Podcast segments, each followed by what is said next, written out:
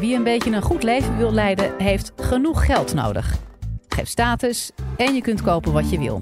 Nou, filosoof Jelle van Baardewijk van de Vrije Universiteit Amsterdam weet dat geld de mens veel heeft gebracht. Maar in deze podcast schijnt hij ook een filosofisch licht op de term geld. En vertelt hij waarom dit toch zo belangrijk voor ons is geworden. Live vanuit Club Air is dit de Universiteit van Nederland. Ja, geld is belangrijk. Geld opent deuren. Geld helpt je om dingen gedaan te krijgen, om te reizen.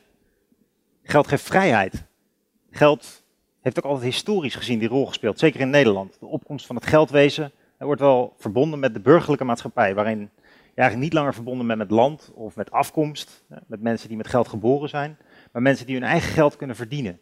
Dus geld associëren we met emancipatie, met vrijheid. En dat zijn positieve connotaties. Maar goed, geld heeft ook iets magisch en iets hypnotiserends. Het gaat vaak verder dan alleen maar dat het je vrijheid geeft. Je kunt, je kunt er eigenlijk heel veel meer mee dan je, dan je als mens gewoon bent. Want wat kun je er bijvoorbeeld mee? Nou, geld sparen, geld oppotten en dan mee naar Japan. Maar je kunt er ook mee naar de toekomst.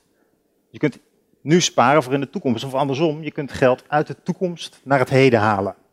Dus geld is eigenlijk een vorm van tijdreizen. Een hypotheek is eigenlijk, ik zeg dat ik later veel ga terugbetalen met rente en ik haal nu die energie naar het heden. Uit de toekomst naar het heden. En daar komt ook al die risicovolle kant van geld naar voren. Het geeft je dus vrijheid om in de toekomst te leven, op krediet te leven. En tegelijkertijd, wat als je je schulden niet af kunt betalen? Dan zit je op de blaren.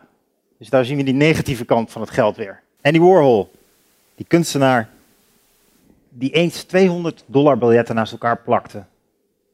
En op de een of andere manier iets laat zien van die kracht die van rijkdom uitgaat, denk ik. Dat, dat bijna hypnotiserend werkt. Dat je ook denkt van, ik zou ook wel rijk willen worden. Dat is in ieder geval wat het schilderij voor mij betekent.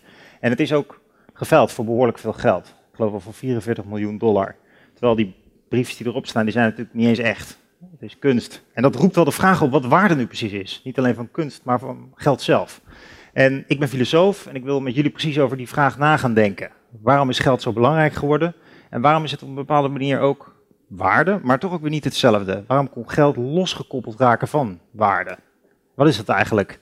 Niet gemakkelijk. Um, we zullen er wat historisch-filosofisch naartoe bewegen. En eh, om te beginnen, nou, wil ik het eigenlijk heel concreet maken. Namelijk, als je nou in je zak kijkt, of in mijn geval, daar zit nog een euro in, een 2 euro munt.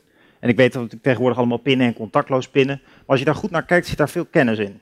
Want is een 2 euro munt. Maar wie denkt dat deze munt ook werkelijk 2 euro waard is? Want natuurlijk is de 2 euro muntstuk geen 2 euro waard. Eh, voor 15 cent kun je het maken. Maar het is als het ware gestold vertrouwen. We doen alsof het 2 euro waard is. En dat is met een briefje van 50 nog veel meer het geval. En de overheid verplicht ons ook om dat vertrouwen aan te nemen. Ja, niet eenvoudig, want waarom volgen we die overheid eigenlijk? En als je nou weer naar die munt kijkt, dan zie je ook duidelijk een muntse kant, waar die 2 op staat in dit geval, en een kopse kant. Vaak staat daar natuurlijk onze koning Willem-Alexander op. Als de symbolische spits van de politieke institutionele orde.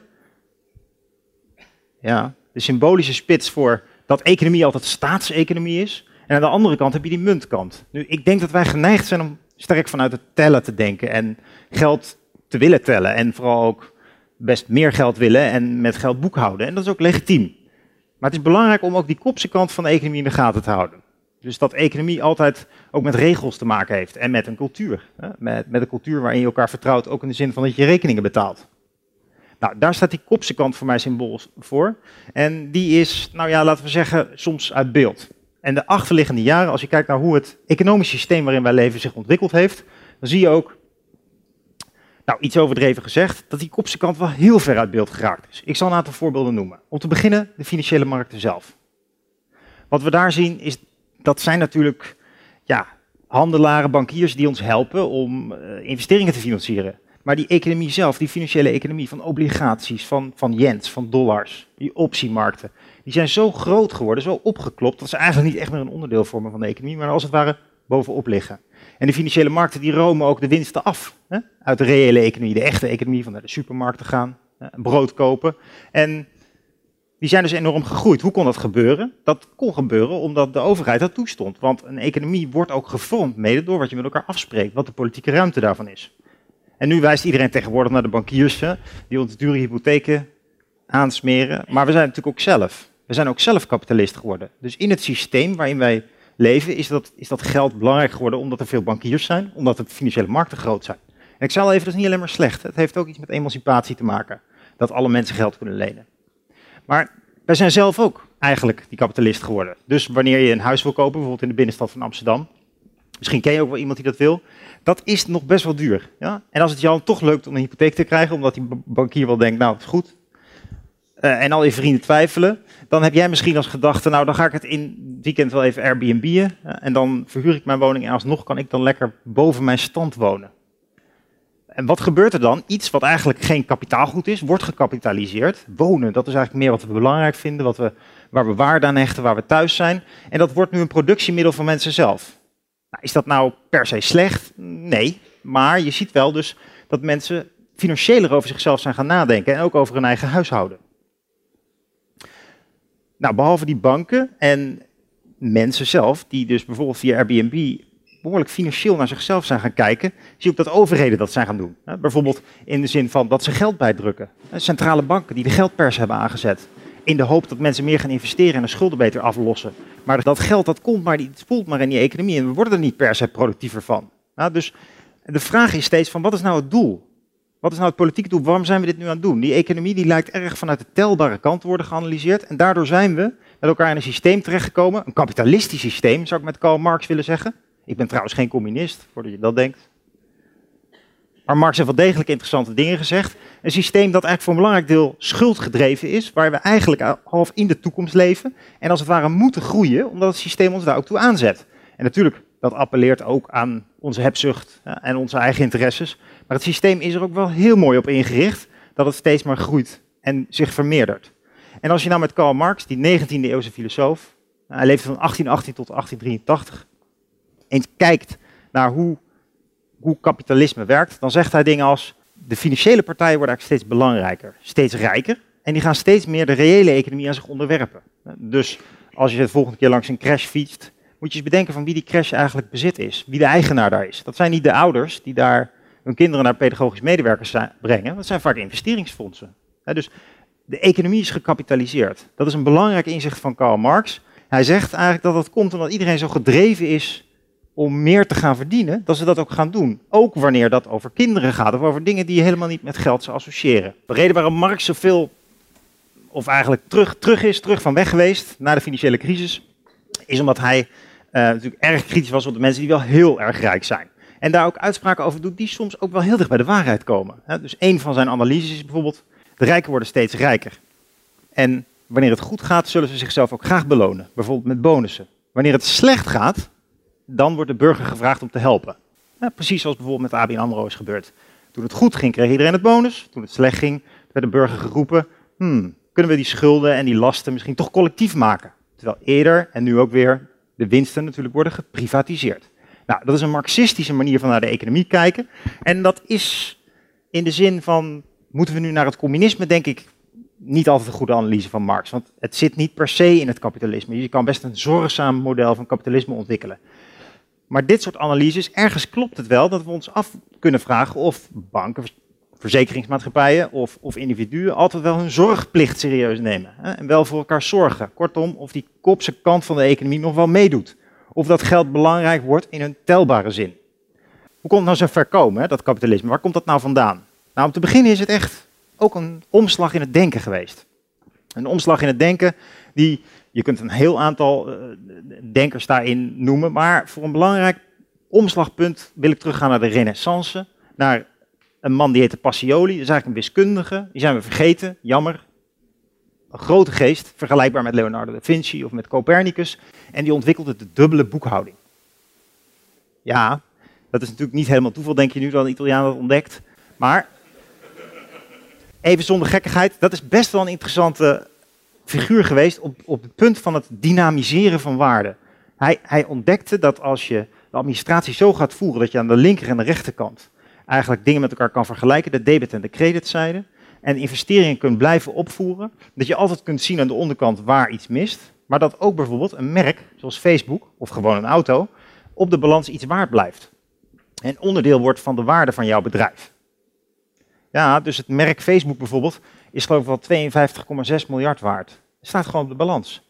Nou, je ziet al direct hoe je dat kapitalisme, zoals dat daar opkomt als een manier van administratie voeren, spreadsheet denken, dat dat ook nadelen heeft. Namelijk dat een spreadsheet soms wel heel mooi is en dat de werkelijkheid een stuk minder mooi is. En veel hoger is in, ingeprijsd op de balansen dan het in werkelijkheid zal zijn. Mensen rekenen zich door die balansen al vrij snel rijk. Dat is een gevaar wat opkomt met dat kapitalisme.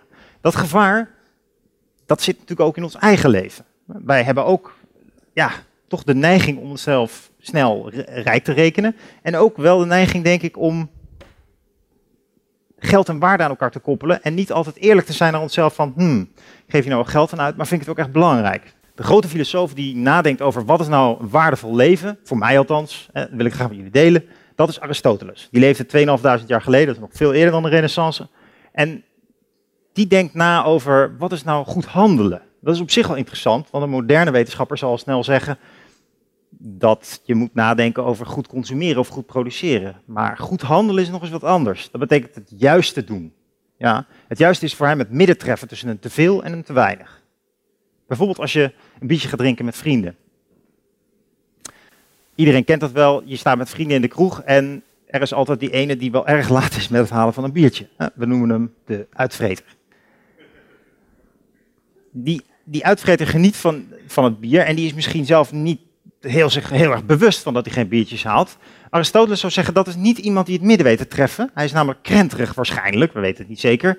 Mm, maar krenterig is eigenlijk het te weinig. Het te veel zou zijn speelzuchtig. Die vrienden heb je natuurlijk ook. Die altijd maar weer trakteren dat je het ook gênant vindt. Op je verjaardag krijg je weer een heel mooie stapel boeken. Hmm, dat was nou ook weer overdreven.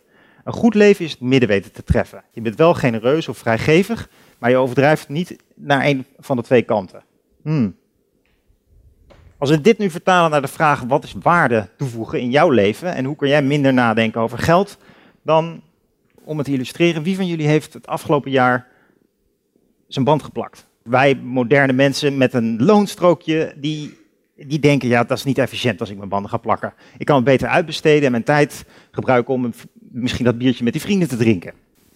Uh, en dat, dat zal ook goed zijn. Ik wil ook niet iedereen hier motiveren om zijn band te gaan plakken. Maar wat het illustreert is wel het volgende. Als je een band plakt, dan word je ook, hoe makkelijk het soms ook kan zijn, toch ook juist weer geconfronteerd met hoeveel gedoe het is. Eigenlijk die, dat water, hè, je fiets omkeren, die, die vieze roest, hè, de weerbarstigheid van de werkelijkheid. Waardecreatie heeft vaak toch iets te maken met maken en repareren. En het ja, in contact komen met de werkelijkheid. Terwijl geld uitgeven, ja, dat is eigenlijk soepel leven. Comfortabel leven. Niet helemaal doorhebben hoeveel moeite mensen voor je doen. Hoeveel moeite je zelf voor je leven moet doen. Dus de psychologie van dat banden plakken, dat is nog niet zo heel gek om dat in je achterhoofd te houden. Wanneer kies jij, wanneer jij iets gaat doen, voor de makkelijke weg? Als je gaat studeren, dat je misschien de statistische analyse gewoon kan inkopen bij een medestudent. Ja, is dat het doel van studeren? Aristoteles zou zeggen, een handelend leven is altijd gericht op wat je goed vindt. En dat betekent dus dat je heel vaak hobbels moet nemen, ja, die waardevol zijn, maar ook ja, waar je geen zin in hebt. Die, ik denk dat het systeem waar we in zijn komen te leven met elkaar, het kapitalistische systeem, voor zover dat waar is, ja, want het is niet een echte markt, het is een ook door door de staat en door de burgers in stand gehouden systeem, dat we in dat systeem erg leren om geld uit te geven, om te consumeren. Dat consumeren uit de toekomst naar het heden te halen. En eigenlijk op krediet te leven. Terwijl, als je, er echt, eh, als je nou bij jezelf te raden gaat wat je echt belangrijk vindt in het leven, dan is het misschien toch niet die baan waar je een mooie auto rijdt. Hè? En het is misschien toch gewoon die vriend. En vriendschap kun je nou weer net niet kopen. Dus geld is belangrijk geworden. Het is een grote maatschappelijke kracht, een systemische kracht. Want al die partijen die zetten jou ook daartoe aan. En Marx en Pacioli leren ons ook dat het echt zelfs in ons denken zit, in onze geschiedenis. Wij associëren het met vrijheid en bevrijding, met emancipatie, maar er zit ook die keerzijde in. Dus hou dat in gedachten. En ga nou niet aan de, naar aanleiding van dit college morgen die vriend opbellen, die zuinigert, en zeggen van, ik krijg wel 3,50 voor je, van je, voor dat biertje. Dat was niet het punt van het verhaal. Hè? Misschien kan je dus beter eens een keer de band van de buurvrouw gaan plakken, als die lek is. Gewoon om eens te merken, nou ja, het is dan misschien niet leuk, maar het helpt je iets van het gevoel van waardecreatie om dat, om in de vingers te krijgen. Contact met de wereld. Ik denk dat geld voor een belangrijk deel in ons denken tussen ons en de wereld in, in is komen te staan. Het bevrijdt, want het gaat over grenzen. Maar het beperkt ons ook, het vervreemdt ons ook van elkaar en van de wereld. Dank jullie wel.